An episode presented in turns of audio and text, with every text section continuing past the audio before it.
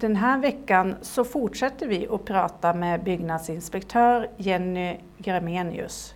Hon har en lång erfarenhet av att vara byggnadsinspektör och har jobbat i flertalet kommuner. Hon är brand och riskkonsult som brandingenjör och civilingenjör i riskhantering så har hon en bra bakgrund att vara byggnadsinspektör och kunna behandla de frågorna som kommer upp i ärendet. Välkommen tillbaka. Tack så mycket. På arbetsplatsbesöket som jag vet att man ska göra som byggnadsinspektör, hur går ett sånt till? Det går till, vi bestämmer ett möte och ses ute på byggarbetsplatsen.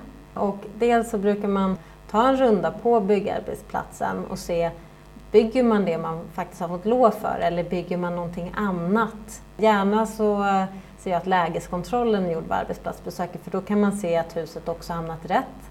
Det har hänt att det inte ligger rätt och då behöver man ju utreda och se hur man ska hantera det. Och det är enklare att göra vid ett arbetsplatsbesök än när man står med flyttbilen utanför för att flytta in.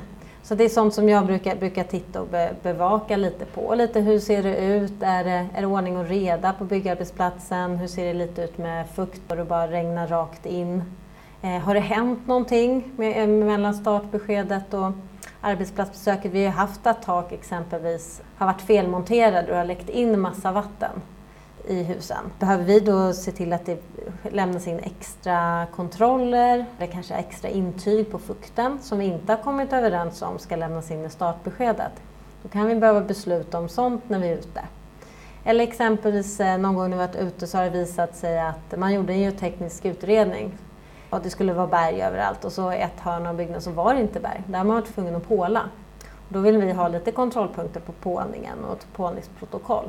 Och då behöver man ju lägga till det i det startbeskedet och kontrollplanen som finns. Och då finns det, det är ett kompletterande villkor som man kan fatta beslut om.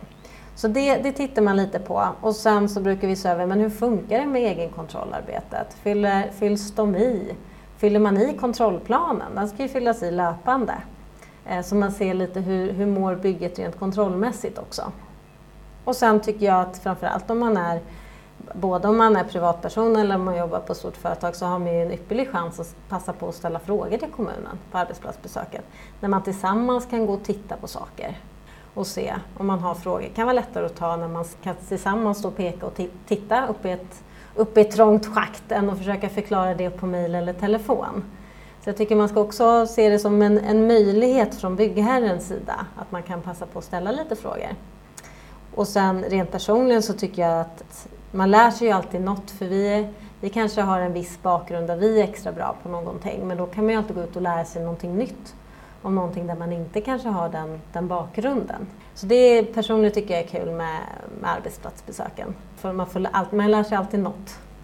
Så det är jag som beställare som är med på platsbesöken, är det någon mer som är med? Kontrollansvarig ska ju vara med ute.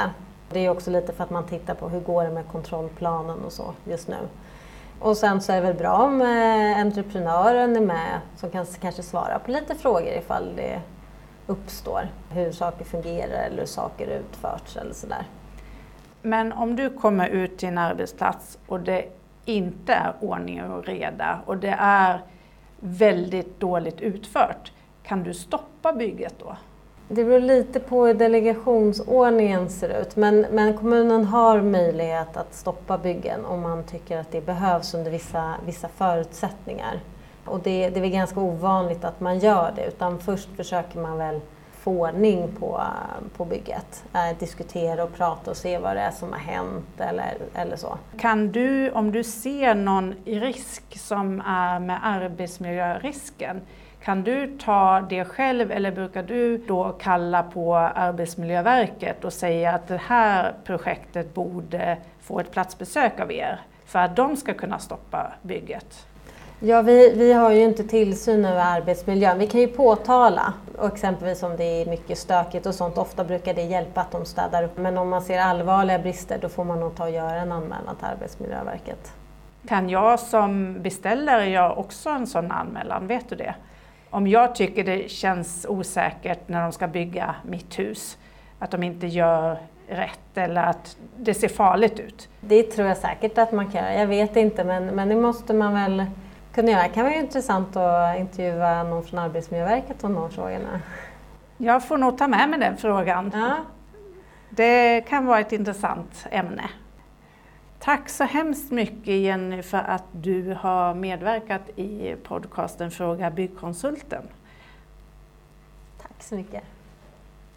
I nästa avsnitt kommer vi fram till slutbeskedet. Vad behöver du göra för att få slutbesked för ditt husprojekt? Tyckte du om det du har hört? Tryck tumme upp och skriv en kommentar. Och dela gärna till dina vänner så att fler får ta del av min kunskap. Om du vill ha svar på en fråga, stor som liten, så gå till frågabyggkonsulten.se. Du är aldrig ensam om att fundera på något. Vi hörs snart igen och mitt namn är Eva Karlsson.